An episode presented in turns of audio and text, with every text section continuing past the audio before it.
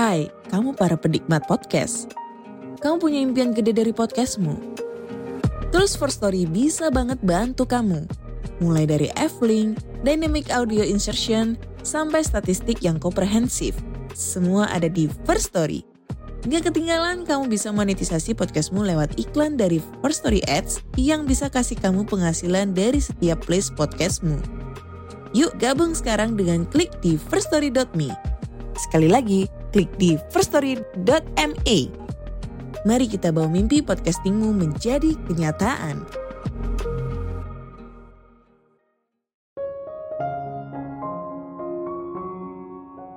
Manusia itu sering kali tidak sadar kalau dirinya terjebak oleh sesat pikir hingga akhirnya membuat keputusan yang irasional.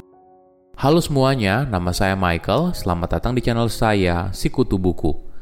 Kali ini saya akan bahas buku Mindware karya Richard Anisbet.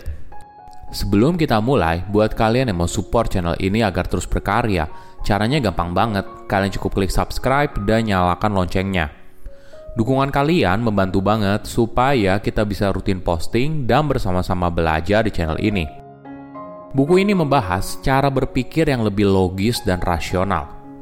Apakah kamu adalah orang yang rasional? Mayoritas orang mungkin mengklaim kalau dirinya adalah orang yang rasional. Tapi kenyataannya kita sering kali bertindak irasional. Kita mudah sekali terjebak saat logika sehingga pada akhirnya membuat keputusan yang buruk. Misalnya, kita tidak berani keluar dari posisi yang buruk hanya karena kita takut kalau kondisi di depan malah bisa jadi lebih buruk. Atau kita merasa barang yang kita miliki punya nilai yang lebih tinggi, padahal sebenarnya nilainya sama saja atau bahkan mungkin lebih kecil. Saya merangkumnya menjadi tiga hal penting dari buku ini. Pertama, hati-hati sesat logika. Apakah kamu pernah dengar kalau negara dengan tingkat rata-rata IQ yang lebih tinggi juga memiliki tingkat kekayaan rata-rata yang lebih tinggi? Nah, tapi apakah artinya jika kamu tinggal di negara yang dianggap cerdas, maka kamu akan lebih kaya? Ini pola pikir yang salah. Kita sering kali buru-buru berasumsi kalau satu hal menyebabkan hal lain, hanya karena kedua hal itu muncul bersamaan. Apalagi hal tersebut membenarkan pandangan yang sudah kita miliki sebelumnya. Misalnya begini, di musim panas pada tahun 1950-an, ada korelasi kuat antara mengkonsumsi es krim dan banyaknya orang yang terjangkit polio. Nah, tapi apakah dengan melarang es krim akan menurunkan epidemi polio? Tentu saja tidak. Kenapa? Karena es krim tentu saja tidak menyebabkan seseorang terjangkit polio. Tapi polio ditularkan melalui air dan makanan yang terkontaminasi atau kontak dengan orang yang terinfeksi. Di musim panas, kolam renang dan es krim merupakan dua hal yang sangat populer. Kembali ke contoh awal, kita tidak boleh buru-buru berasumsi kalau korelasi itu sama dengan hubungan sebab akibat. Daripada berasumsi kalau warga cerdas yang membuat sebuah negara menjadi kaya raya, bagaimana kalau kita lihat dari sudut pandang yang berbeda? Negara yang kaya biasanya punya sistem kesehatan dan edukasi yang jauh lebih baik, dan hasilnya bisa menciptakan warga dengan tingkat IQ yang lebih tinggi.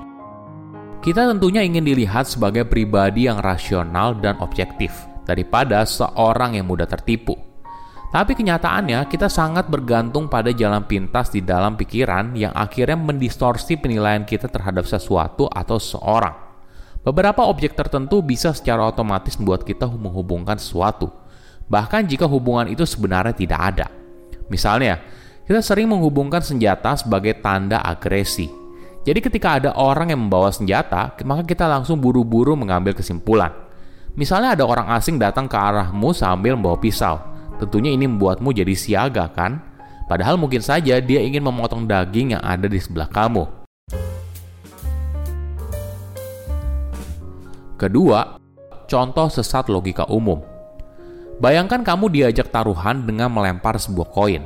Apabila koin menghadap gambar, maka kamu menang dan akan diberikan uang satu juta setengah rupiah. Tapi apabila koinnya menghadap ke angka, maka kamu kalah dan harus membayar satu juta rupiah. Tentunya ini tawaran yang menarik kan?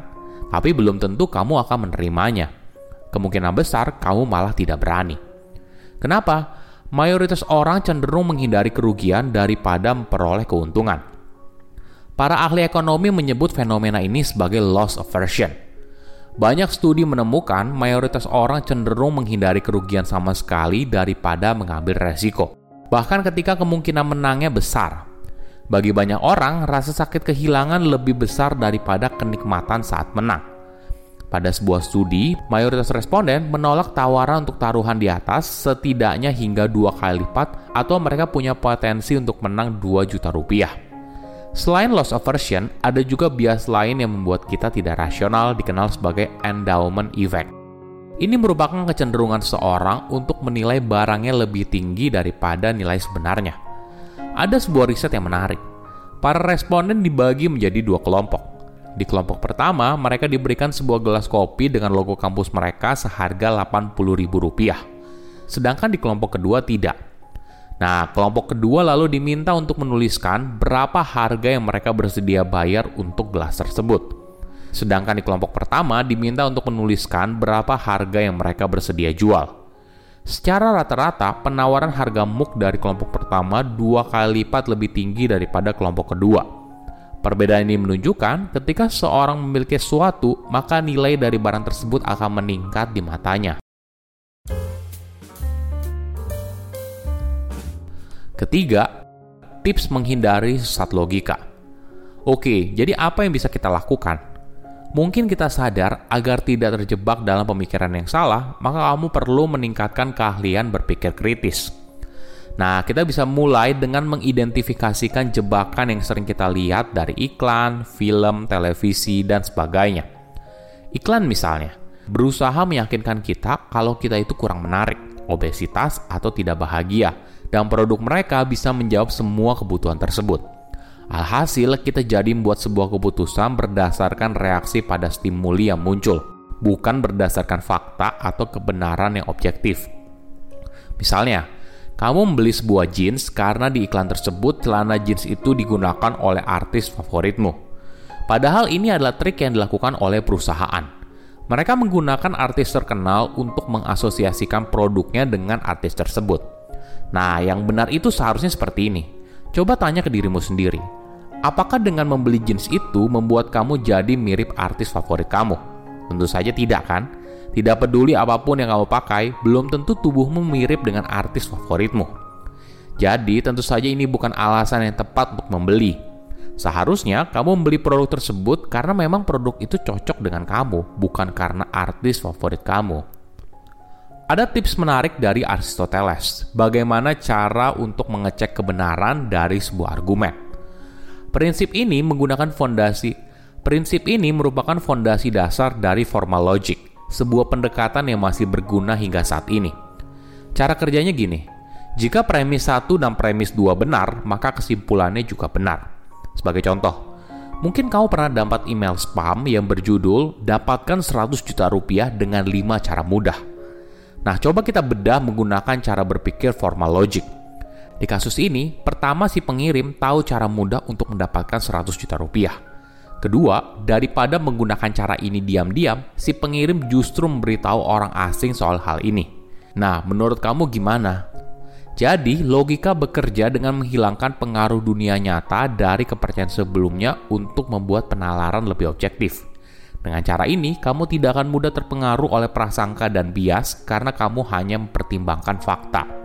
Silahkan komen di kolom komentar pelajaran apa yang kalian dapat ketika baca buku ini. Selain itu, komen juga mau buku apa lagi yang saya review di video berikutnya.